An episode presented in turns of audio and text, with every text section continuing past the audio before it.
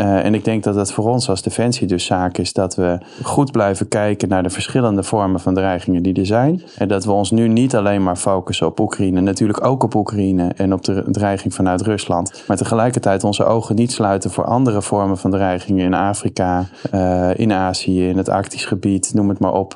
Is dat iets waar jij wakker van ligt, van een dreiging zoals Oekraïne? Het ministerie van Defensie. Een divers bedrijf. Altijd in beweging op technologisch en sociaal innovatief vlak. In de Samen Sterker podcast maak je kennis met mensen waar eigenaarschap, drive en passie voorop staan. In deze podcast zoomen we in op structuur, cultuur, mens en samenwerking. Geniet jij van deze podcast? Like, deel en reageer, zodat wij weten wat jij van deze podcast vindt.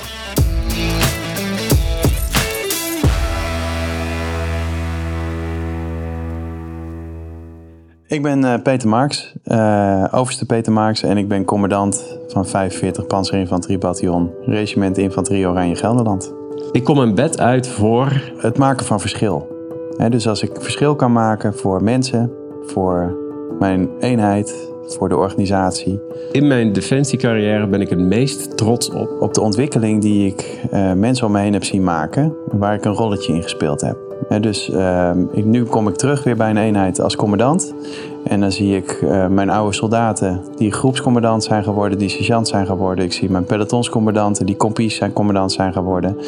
Uh, waarin ik soms ook gewoon stukjes van mijn investeringen herken. Als ik een dag CDS zou zijn, dan? Ja, dan is uh, een dag is wel ambitieus. Uh, maar uiteindelijk zou ik heel graag uh, dan een klein steentje bijdragen aan het in hun kracht zetten van de mensen in de organisatie. En laten we dan in één dag maar eens beginnen bij de commandanten. Welkom Peter, hier in de Samen Sterker podcast. Uh, jij bent de commandant van het 45, uh, 45e Panzerinfanteriebataljon. Uh, en jij was in je vorige functie, werkte je bij de afdeling strategie van de DGB. Klopt. en je hebt mede bijgedragen aan de defensievisie en de defensienota. Wat ik met jou wil gaan doen is eigenlijk ehm, drie stapjes. Ik wil het met jou gaan hebben over de totstandkoming van de defensienota, want er wordt heel veel over gezegd, maar uh, ik ga waarschijnlijk ook verrast worden door sommige dingen, dat hoop ik althans. Um, daarnaast, hoe was het voor jou als voormalig infanterist om in Den Haag terecht te komen? Um, hoe is dat ineens in, in, een politiek bestuurlijke omgeving terecht te komen? Uh, en wat heb je daar geleerd, maar misschien ook wat heb je hen geleerd? En nu ben je commandant um, weer van een gevechtseenheid en hoe helpt jouw Haagse achtergrond uh, in het positioneren van jouw Ja, ja? Lijkt me een leuk gesprek. Ja, zeker. Ik heb er zin in. Voordat we dat gaan doen, ik heb een aantal tegenstellingen bedacht. Ik ben gewoon even benieuwd wat je gaat kiezen en je mag echt maar één keuze maken. Oké. Okay, ja? ja? Let's go. Beleid versus de uitvoering. Uitvoering. Controle en beheersing versus vertrouwen en verantwoordelijkheid. Vertrouwen en verantwoordelijkheid. Robuust versus wendbaarheid. Wendbaarheid.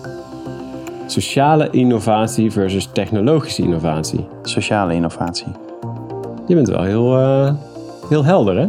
Ja, nou ja, goed. Kijk, uh, toevallig stel, uh, haal je een aantal tegenstellingen naar voren die, die best wel dicht liggen bij hoe ik nou ja, in de wedstrijd sta of in het leven sta. dus dan is de keuze ook niet zo heel moeilijk voor mij. Nee. En, en, en, natuurlijk is het belangrijk, want in die tegenstellingen die je, die je noemt, uh, die zijn allemaal, hè, beide kanten zijn belangrijk voor onze organisatie, denk ik. Mm -hmm. uh, alleen je hebt altijd een persoonlijke voorkeur. Ja. Uh, en vandaar een persoonlijke dat kernwaarde natuurlijk. Een persoonlijke kernwaarde. En vandaar dat, dat, dat deze keuzes voor mij relatief eenvoudig waren. Ja, en nu denk ik dat ik de antwoorden al weet. Niet op allemaal. Een goed boek of een podcast luisteren? Podcast. Sushi of McDonald's? Sushi. ja. Ook wel iets gezonder, denk ik. Ja, iets gezonder en daar hou ik het ook langer op vol. ja, ja, misschien leuk voor in het veld. Ja, ja, dat, nou ja, goed, ja, precies. Het eerste blokje wat ik met jou door wil nemen is het stuk defensievisie. Uh, wat is eigenlijk een defensienota en een defensievisie? Is daar een verschil tussen? Kun je daar eens wat woorden aan geven? Nou, daar is zeker, daar is zeker een verschil tussen. Want um, een, defensievisie um, is eigenlijk een, nou ja, een, een, document in de basis, maar uh, een uitkomst van een, van een proces waarin we kijken wat gebeurt er in de wereld, hoe, gaat, hoe denken we dat dat zich gaat ontwikkelen, uh, waar staan we nu als organisatie en, en, wat, uh, en welke kant zou dat op moeten gaan. Um, en dat proberen we zo dicht mogelijk bij elkaar te brengen uiteindelijk om lange termijn te identificeren wat heeft de organisatie nodig om Nederland te kunnen blijven beschermen tegen, uh, tegen bedreigingen. Um, en wat hebben wij als organisatie nodig om dat uiteindelijk te kunnen realiseren voor Nederland. Dus daar is de defensievisie voor. Um, daar zit um, geen geld aan vast. Hè? Dus, uh, dus dat betekent dat we wel identificeren van nou hier zouden we in dit geval in 2035 moeten zijn uh, tegelijkertijd uh, hebben we daar nog niet de, de euro's voor, om het maar zo te zeggen. Hè. Dus het is alleen maar aangeven aan de samenleving, aan de politiek van dit denken we dat er nodig is. En dan vervolgens is het natuurlijk aan, in dit geval de politiek die het mandaat heeft over defensie en over het budget van defensie, om dan te gaan kijken met alle andere belangen die ze ook vertegenwoordigen, van wat gaan we dan van, die, de, van dat grote pakket defensievisie, wat willen we dan dat er daadwerkelijk gerealiseerd wordt? Wat gaan we aan geld daaraan besteden? Maar ook wat voor risico's accepteren we dus op het moment dat we uh, bepaalde dingen niet doen? Ja. ja. want dat is ook een politiek mandaat. Nou, en dat resulteert vervolgens in een, in een regeerakkoord en, de, en dan kom je bij de defensienota. En dat is eigenlijk heel concreet de uitwerking van het regeerakkoord. Dus wat de coalitiepartijen in de politiek overeengekomen zijn. Uh, van nou, deze kant moet defensie op, daar krijg je wat richtlijnen voor, dit budget hoort erbij. En dan met de defensienota geven we aan eigenlijk van uh, uh, zo op deze manier gaan we de richtlijnen die het kabinet ons gegeven heeft, gaan we realiseren de komende periode. Dus en, en wie worden daar zowel bij betrokken? Want het gaat wel over de toekomst. Ja. Het gaat wel over een visie tot 2035. Ja, um, nou, de groep die we daarbij betrekken is, is dus ook enorm uh, breed. He, dus zowel, uh, daar laat ik beginnen bij intern de organisatie, zijn natuurlijk heel veel mensen uh, binnen onze organisatie met heel veel verschillende specialismes, met met uh, unieke denkbeelden die relevant zijn. Dus we proberen zoveel mogelijk van die denkbeelden ook te betrekken in het proces van die ontwikkeling van die defensievisie en ook de nota. En dat heeft twee redenen. Ook enerzijds omdat je daardoor een uh, beter product maakt. Maar ook omdat het natuurlijk heel belangrijk is dat als je daadwerkelijk iets wil gaan realiseren, dat er ook draagvlak is. Ja. Uh, en door veel mensen te betrekken, uh, maak je in ieder geval de kans op draagvlak wat groter. Ehm, maar het tweede is dat we als Defensie ook ehm, nou, met heel veel verschillende partners en mensen te maken hebben. Denk aan uh, het bedrijfsleven, denk aan de andere overheden, aan veiligheidspartners zoals politie, uh, brandweer. Uh, nou, je kan het eigenlijk zo, zo breed in de samenleving niet, niet bedenken. Um, en daar stemmen we dus ook mee af van tevoren. Dan gaan we mee in gesprek van wat, hè, wat is in jullie ogen dan de rol die Defensie zou moeten nemen? Wat kunnen we daarin voor elkaar betekenen? Um, uh, en wat zouden wij dan nu moeten gaan doen om dat zo makkelijk mogelijk of zo goed mogelijk te maken? Ja. En de derde, bedenk ik me net, is eigenlijk um, want, want tot stand komen van die defensie visie is niet iets wat in een jaar gebeurt. Het is eigenlijk een constant proces. En we kijken constant om ons heen van wat gebeurt er in de wereld. En daar gebruiken we heel veel kennisinstellingen voor. Dus dat zijn onze, onze partners in het buitenland. Of dat nou uh, andere defensieorganisaties zijn of denktanks. Maar ook in Nederland, een HCSS of een Klingendaal. Die heel, waar we heel veel uh, samen mee doen. Maar ook universiteiten. Uh, die met ons uh, kijken uh, wat gebeurt er in de wereld. en die daar soms op nuances anderen over denken. En die proberen wij dan uh, zo goed mogelijk te combineren in een, uh, in een, in een beeld uh, van, een, van een toekomstige wereld waar wij op voorbereid moeten zijn. Als je kijkt naar de defensienota, hè, zijn er dan keuzes gemaakt of andere keuzes gemaakt in relatie tot de vorige defensienota? En gaat dat voornamelijk om accenten of grootschalige wijzigingen? Nou, kijk, een heel belangrijk gegeven is natuurlijk dat er, uh, dat er ontzettend veel geld bij gekomen is. Hè? Dus dat, uh, um, um, dat het defensiebudget met 40% is toegenomen, betekent natuurlijk ontzettend veel voor de, voor de organisatie. Ja, dat is fors. dat, is, dat is heel erg fors. Ja. Uh, en dat betekent in de eerste instantie natuurlijk dat je veel dingen kan kopen, veel uh, nou ja, eenheden kan oprichten, maar ook materieel bij kan kopen. Dat je dingen kan verbeteren in de organisatie, waar, hè, waar we natuurlijk uh, op heel veel plekken in de organisatie al jaren tegen achterstanden aanlopen. Dat je, kan, dat je weer de weg naar herstel uh, kan inzetten. Dus dat is, dat, is, dat is allemaal heel erg positief. Um, en tegelijkertijd, en dat is ook heel positief, maar dat, is, dat, dat kost ook gewoon tijd. Betekent dat ook een enorme verandering voor de organisatie. Om, om zoveel uh, extra budget weg te kunnen zetten. Om uh, vanuit een organisatie te komen die eigenlijk krimp gewend is. en naar groei en ook een hele forse groei in één keer over te gaan. Um, um, ja, dat, dat vergt ook een hoop aanpassingsvermogen en, ja. een, uh, en een hoop uh, flexibiliteit van de mensen, van de organisatie.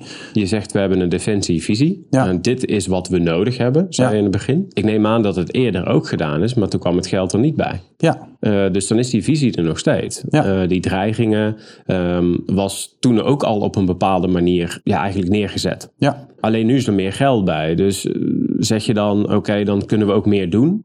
Nou ja, kijk, ik denk dat het. Um, kijk, die dreiging.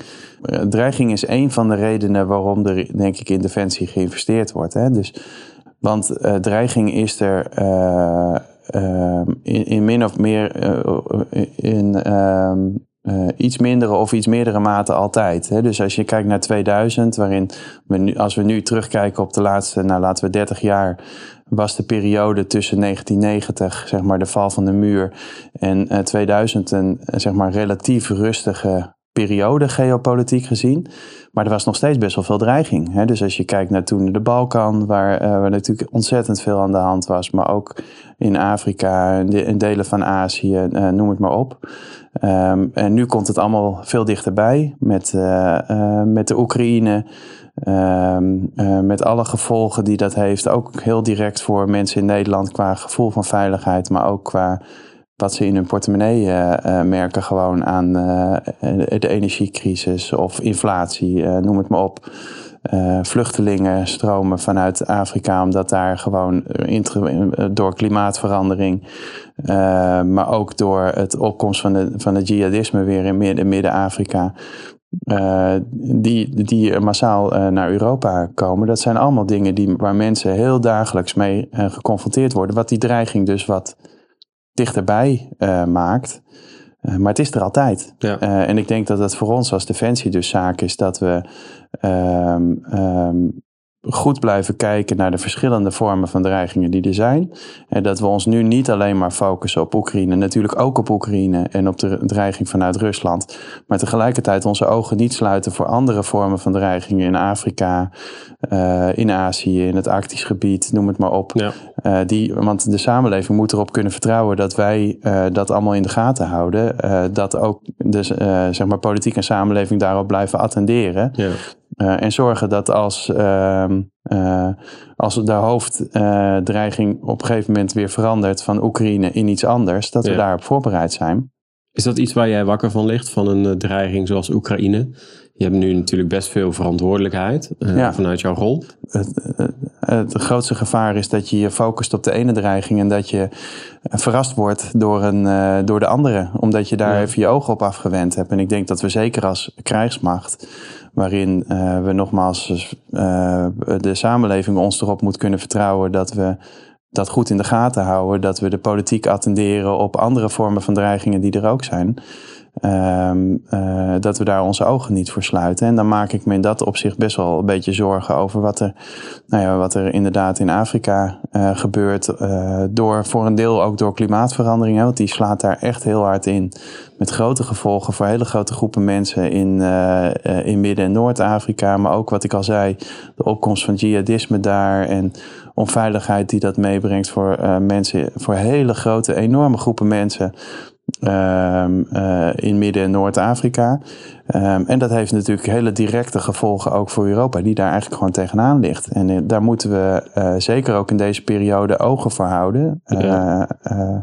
en kijken hoe we dat in de toekomst, zowel voor die mensen daar, als ook voor ons eigen continent en onze eigen samenleving, hoe we dat zo goed mogelijk eh, ehm, nou ja, in de hand kunnen houden is misschien niet helemaal het goede woord. Maar ik denk dat je begrijpt wat ik bedoel. Dat we daar niet onze ogen voor sluiten. Ehm, en zo zijn er meerdere plekken op de wereld. Dus, dus als je vraagt van lig je er wakker van? dan is dat nee, want het is mijn beroep. Ehm, ik voel wel een hele grote verantwoordelijkheid naar de samenleving. maar ook naar mijn mensen toe. Ehm, om, om uh, uh, beroepsmatig de situatie in de, in, de, in de Oekraïne en wat onze rol daarin is. Uh, of het nou gaat om het schenken van materieel het klaarmaken van materieel, maar heel concreet ook gewoon het uh, gereed houden van mijn mensen om in, in geval van de Nederlandse samenleving en de Europese samenleving te kunnen beschermen. Um, en voor, voor deze dreiging, maar ook voor andere dreigingen. Dus dat zie ik gewoon als een als een van mijn uh, belangrijkste taken. Ja. Of als mijn belangrijkste taak feitelijk op dit moment. Die, uh, die ik altijd heel urgent heb gevonden. En altijd heel erg belangrijk heb gevonden. Maar die nu ook nog even in de schijnwerper staat. Ja. Dus daarmee lig ik er niet meer wakker van als tien jaar geleden. Want het is altijd mijn beroep geweest om dat te doen. We gaan even terug naar jouw ervaring die je op hebt gedaan in, uh, in Den Haag. Ja. Hoe, hoe heeft dat jou geholpen, de Haagse kennis, om jouw bataljon beter te positioneren? Nou, kijk, wat je natuurlijk met uitstek uh, leert in Den Haag is, uh, is uitzoomen. Hè? Dus uh, wat, je, wat je zojuist ook al terecht zei, bijvoorbeeld documenten zoals Defensievisie en Defensienota, daar zitten zoveel verschillende visies, zoveel verschillende denkbeelden zitten daarin verenigd. Ehm, op een abstractieniveau die veel hoger ligt dan waar je met een eenheid natuurlijk mee bezig bent. Uh, dus je leert best wel even uitzoomen en weer inzoomen om dat heel dicht bij elkaar te brengen. Dus uitvoering en, en beleid zo dicht mogelijk bij elkaar te leggen. En ik denk dat je dat als mens, maar met name als commandant, ook echt van pas komt. Hè? Het feit dat ik nu nou ja, weet hoe beslissingen genomen worden, waarom dingen zijn zoals ze zijn. Uh, wat de windmolens zijn waar je niet tegen moet vechten, maar waar je, wat de andere elementen zijn waar je wel invloed op kan nemen. Ik, ik denk dat dat mij helpt om een om zeg maar beter perspectief voor mijn personeel te kunnen schetsen. Om te zeggen van nou jongens, dit is waar we met z'n allen heen gaan. En, en, en, en dit is een hoek ehm, waar we vooral niet moeten, moeten gaan zitten. Want ik geloof er gewoon in dat ehm, zeg maar als mensen beter begrijpen op elk niveau, uh, beter begrijpen uh, wat ze heen moeten, wat hun rol daarin is, uh, waarom dingen zou zijn. Hè, want overal, doorgaans zit overal wel een goede reden voor, is een goede reden voor. En soms kun je je vinden in die reden, soms ook helemaal niet. Maar dan nog is het belangrijk dat je realiseert dat het zo is. Want anders leidt het tot frustratie. Um, en frustratie is zinloze energie in mijn ogen. Dus je, je kan je best wel, je kan het ergens echt hard, hard, hardgrondig mee oneens zijn. Dat ben ik soms ook.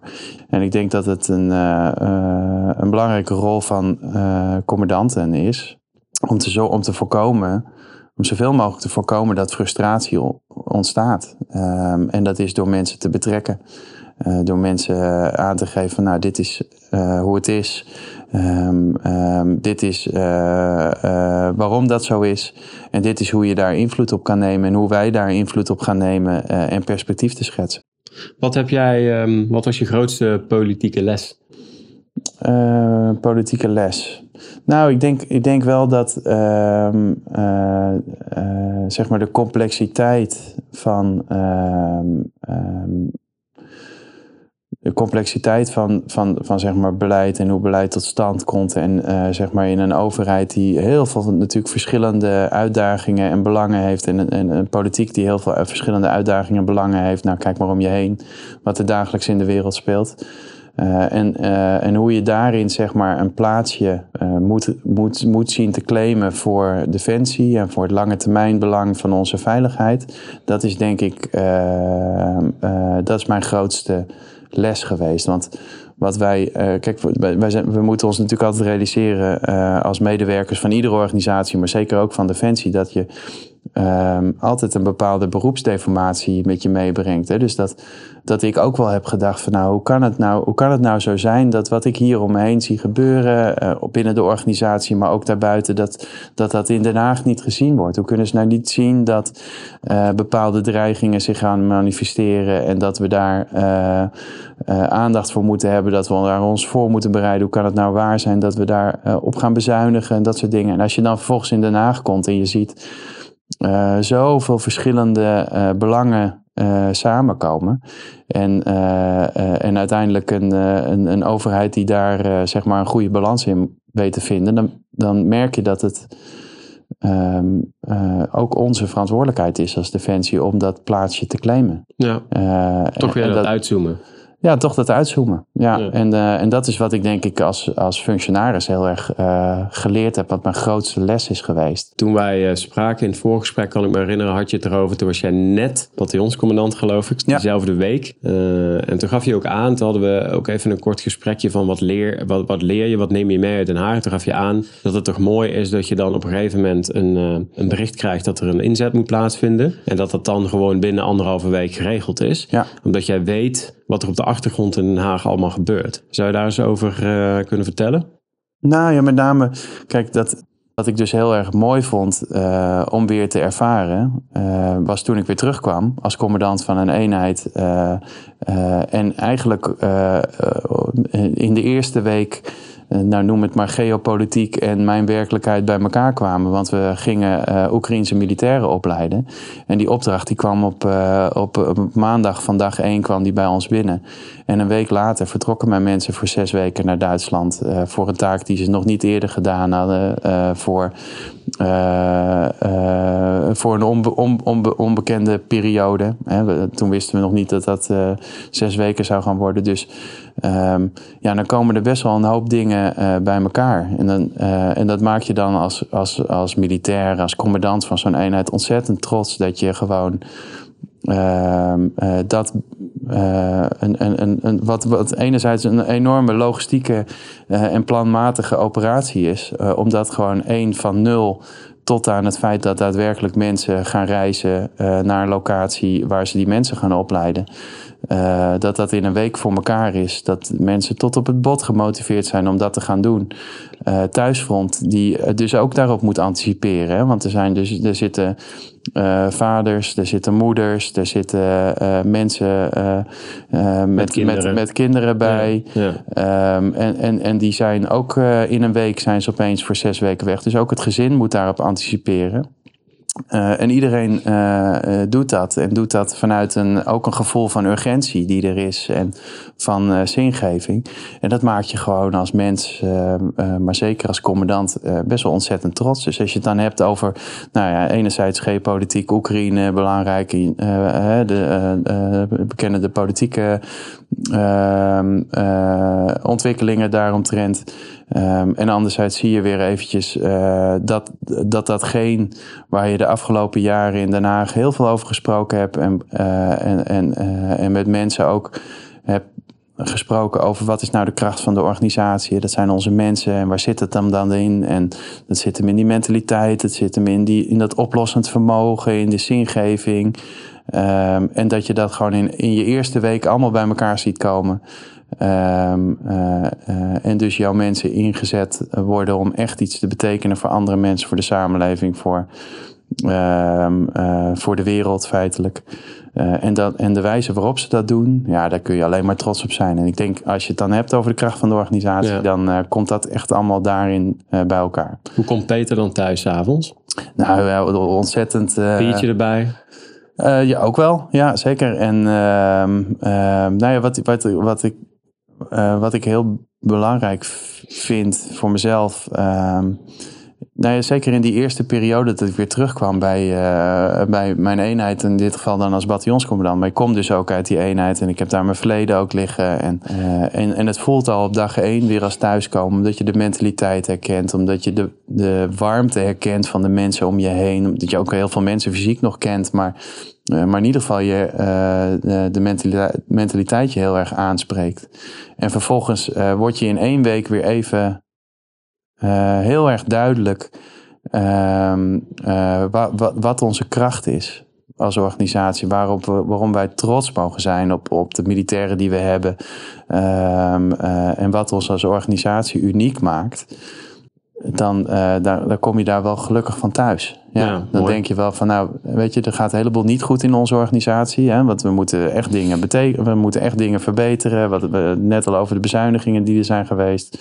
Maar we moeten ook koesteren wat al heel goed is. Eh, dus we moeten zuinig zijn op de mensen die we in huis hebben. Want ik denk echt wel dat die, een, een, dat die het karakter van Defensie zijn.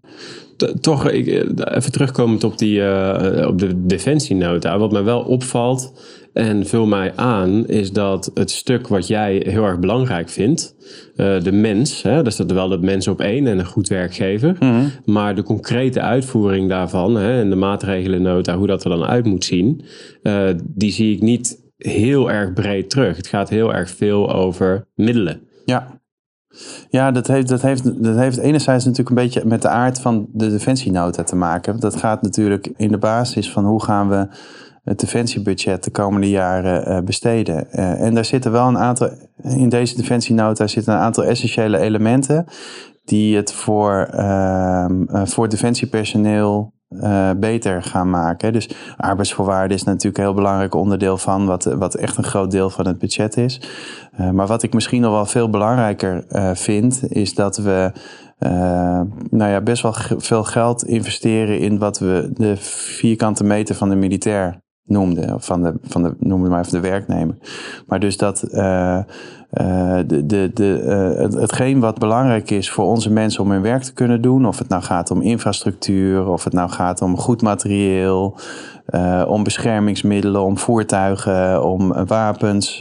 nou, alles wat een militair nodig om goed zijn werk te laten doen. Uh, dat we daar de komende jaren uh, veel in gaan en blijven investeren. Dat is wat in mijn ogen heel belangrijk is. En dat is een intentie die echt wel in de defensienota uh, staat. maar dat is ook iets, denk ik, wat we scherp moeten houden. Dat we ook ja. die prioriteit bij die vierkante meter van die militair moeten blijven leggen. Want er zijn natuurlijk het gaat over, over ontzettend veel geld. Er zitten heel veel grote investeringstrajecten in. En dan heeft het altijd de neiging dat er uh, heel veel aandacht gaat naar de dingen die heel veel geld kosten. Maar soms kan je het verschil voor mensen in onze organisatie maken met dingen die veel minder geld kosten. Um, um, uh, en en, en wat, wat ik nou heel belangrijk zou vinden, is dat we daar ook de komende twintig jaar voldoende aandacht voor blijven hebben. Ja. Maar het, ik heb het als commandant gewoon nodig dat ik bepaalde tools heb. Uh, soms is dat het geven van extra beloning aan mensen. Soms dat ik mensen, uh, dat ik carrièrepaden van mensen uh, persoonlijk kan afstemmen en beïnvloeden. Dat heb ja. ik nodig om mensen in hun kracht te kunnen zetten. Om perspectief te kunnen creëren. Perspectief te kunnen creëren. Ja. Om mensen dat te bieden wat ze persoonlijk nodig hebben. Hè? Want onze mensen zijn dus niet een eenheidsworst die allemaal door hetzelfde malletje moeten. Maar je, moet mensen persoonlijk uh, proberen te begeleiden. En natuurlijk heb je daar organisatie. Uh, regels en dat soort dingen ook voor nodig waar je binnen moet blijven. Maar die ruimte die commandanten daarin hebben moet groter worden in mijn ogen. En hetzelfde geldt voor, uh, voor dingen die ik uh, kan doen om de persoonlijke omstandigheden van mijn mensen te verbeteren. Het zit hem soms gewoon heel simpelweg in, uh, in het aankopen van wat spulletjes die, die mijn mensen specifiek nodig hebben. En misschien voor de rest van de organisatie niet zo van belang ja. zijn. Maar waar ik ze wel op dat moment even heel erg, mee, heel erg blij mee kan ja. maken en in hun kracht kan zetten. Eigenlijk willen mensen gewoon gezien worden. Hè? En gewaardeerd Dat denk ik wel, dat willen we allemaal. Ja, ja. dat is toch uiteindelijk de basis van, ja. van ons mens zijn. Hoe zie je de krijgsmacht van de toekomst voor je? Um, nou, dan kom ik wel weer terug op dat, um, op zeg maar, dat je uh, op, een, op een goede manier en op een effectieve manier, zeg maar, centrale en decentrale sturing met elkaar verbindt. Natuurlijk heb je zo'n organisatie als Defensie heb je nodig dat er uh, zeg maar op centraal niveau uh, uh, een koers wordt uitgezet. eh, dat het beleid wordt ontwikkeld die de koers, die koers van de organisatie ondersteunt. Eh, tegelijkertijd denk ik dat eh, je als organisatie ehm, gewoon echt wendbaar wordt. Als je, eh, de, als je zeg maar de kracht van je uitvoerende eenheden eh, en de inventiviteit en creativiteit die, die, dat, die, die mensen met zich meebrengen, als je die ter volle weet te benutten. Ja. Dus ik denk dat je, dus, uh, als we als organisatie in slagen, wat we ons best wel hebben voorgenomen, maar om uh, veel meer mandaten te leggen bij de commandanten die die mandaten nodig hebben. En tegelijkertijd als organisatie ook uh, zeg maar een, een, duidelijke koers kunnen neerzetten. Uh, politiek, beleid en uitvoering met elkaar kunnen verbinden. Nog ja. beter als dat nu al, uh, als dat nu al gebeurt. Ja. Nou, dan denk ik dat we echt vanuit onze eigen kracht en vanuit zeg maar, de omstandigheid waar, waarin wij als organisatie zitten, dat we nou ja, op een goede manier de organisatie kunnen doorontwikkelen ehm, voor een een taak die altijd heel erg belangrijk is geweest. Uh, dat hoef ik jou niet te vertellen en, en waarschijnlijk heel veel van de luisteraars ook niet. Uh, want veiligheid is het grootste goed wat we hebben. En Defensie speelt daar gewoon een hele belangrijke rol in. Soms heel actief. Uh, op missies, ehm, maar, maar, maar altijd relevant. Ook als, ja. we, ook als we er gewoon zijn en dat voorkomt dat mensen denken van nou laat ik uh, Nederland eens aan gaan vallen. Want, laat, ik, laat ik dat maar niet doen, want, want die hebben namelijk een, een goed leger waar ik, waar ik niet tegenover wil komen te staan. Ook dat is het houden van veiligheid. Um, en ik geloof er gewoon in dat we, dat, dat we die belangrijke rol altijd hebben gehad, maar dat die in de toekomst, zeker in de wereld waarin we ons nu bevinden, nog veel belangrijker gaat worden. Uh, en dat het dus ons uh, verantwoordelijkheid is als organisatie uh, om daar zo goed mogelijk op voorbereid te zijn, om onze mensen in de kracht te zetten. daar hebben we ook alle tools voor in handen. en dat bedoel ik dus met name de, onze mensen. Ehm, en die moeten we in staat stellen om dat te doen als organisatie. Um, maar ook, als, ook zeg maar, uh, onze uh, politieke uh, leiders moeten zorgen dat wij dat als commandanten kunnen blijven doen. Hoe zou jij dit gesprek samenvatten? Nou, ik vond het bovenal heel, um, heel leuk, waardevol. Ik denk dat we best wel, nou, best wel diep gegaan zijn. En dat we toch tot, tot de kern zeg maar, zijn gekomen van... Nou ja, één, wat ik belangrijk vind... Um, wat voor de organisatie belangrijk is. Nou ja, en, en, dus ik denk relevant, uh, uh, diep en vooral heel leuk. Ik vat hem samen als uitzoomen. Dankjewel. Kijk, heel leuk, dankjewel. Merci. Uh, mijn naam is uh, Peter Marks uh, en ik was de gast in de Samen Sterker podcast. Ik heb een ontzettend fijn en leuk gesprek gehad met Danny. Ik hoop dat jij dat ook leuk vond, maar ik ben heel benieuwd naar je reactie. abonneer je en laat me even weten wat je ervan vindt. Heb je nog leuke gasten voor de toekomst die je net zo'n waardevol gesprek gunt als dat ik zojuist gehad heb? laat het Danny even weten.